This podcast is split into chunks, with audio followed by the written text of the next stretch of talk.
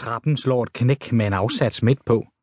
Erik har lagt et af sine reb om træværket på første sal og står nede i stuen med begge ender. Hans mor jagter ham med et vinglas i hånden. Hvad laver du? Hun er fuld og stemmen er anklagende. Du må ikke klatre her. Gelænderet kan ikke holde. Erik svarer ikke. Kan du ikke høre, hvad jeg siger? Du er for tung. Jeg skal ikke klatre. Fjern det reb, søde Erik. Hør nu på mig for en gang skyld. Han binder en lykke i den ene ende. Fjern det straks. Erik ser op og mærker efter med vægten af sin krop. Du ødelægger gelænderet. Hans mor sætter vinglasset fra sig og går hen til ham. Nu gør du, som jeg siger, siger hun og rækker ud efter rebet. Erik tager fat i hendes arm og binder den bag hendes ryg. Hov, hvad laver du? Slip! Han lægger lykken om sin mors hals og trækker hende op i luften. Hun kæmper for at fjerne rebet om halsen. Da det ikke lykkes, sparker hun ud for at nå trappens rækværk med benene og på den måde aflaste vægten fra sin krop. Erik tager fat om hendes læge og trækker hende nedad, mens han holder rebet strakt. Hvor gammel var jeg første gang, siger han. Hans mor kan umuligt svare. Øjnene er på vej ud af øjenhulerne. Ansigtet er rødt og opsvulmet. 15, siger han. Det har stået på i 10 år. Noget knækker. Det er uklart, om det er halsen eller rækværket, som giver sig. Morens arme og ben spjætter, før kroppen giver op. Hun dingler frit, svinger stille og modstandsløst som et pendul. Erik holder rebet strakt, går op ad trappen og binder det om rækværket. Han sætter sig i sofaen og tænder for tv'et.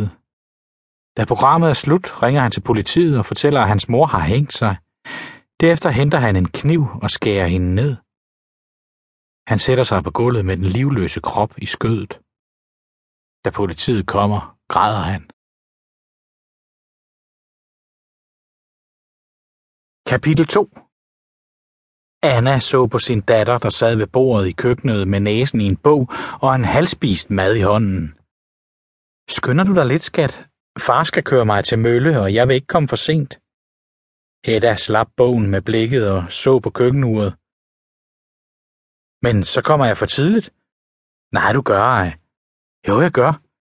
Højst 10 minutter, sagde Anna. Det sker der ikke noget ved. Så kan du nå at øve dig på lektierne en ekstra gang. Jeg kan dem allerede, sagde Hedda. Hvis du vil have et lift, må du rette dig efter os. Sådan er det bare. Så vil jeg hellere cykle.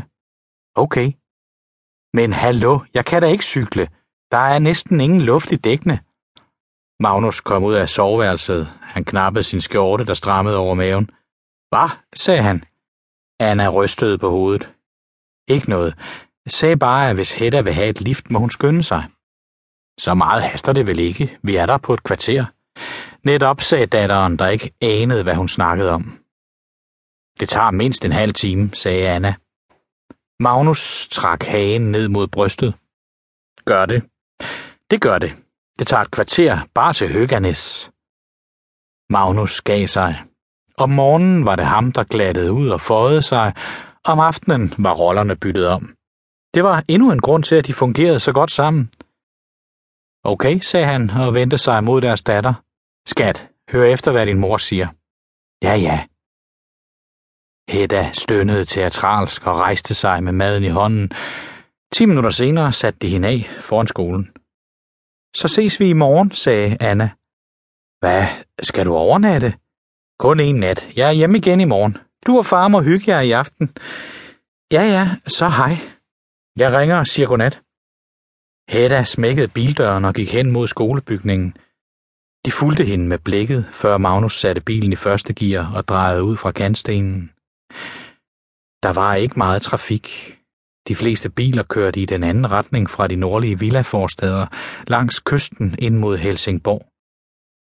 Anna skiftede til en kanal med tale og så havet ligge vidtstrakt nedenfor Kristinelund. Christinelund. Udsigten kom ikke til sin ret.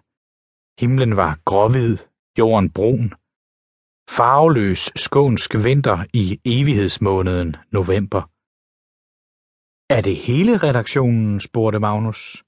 Nej, kun Trude og Sissela.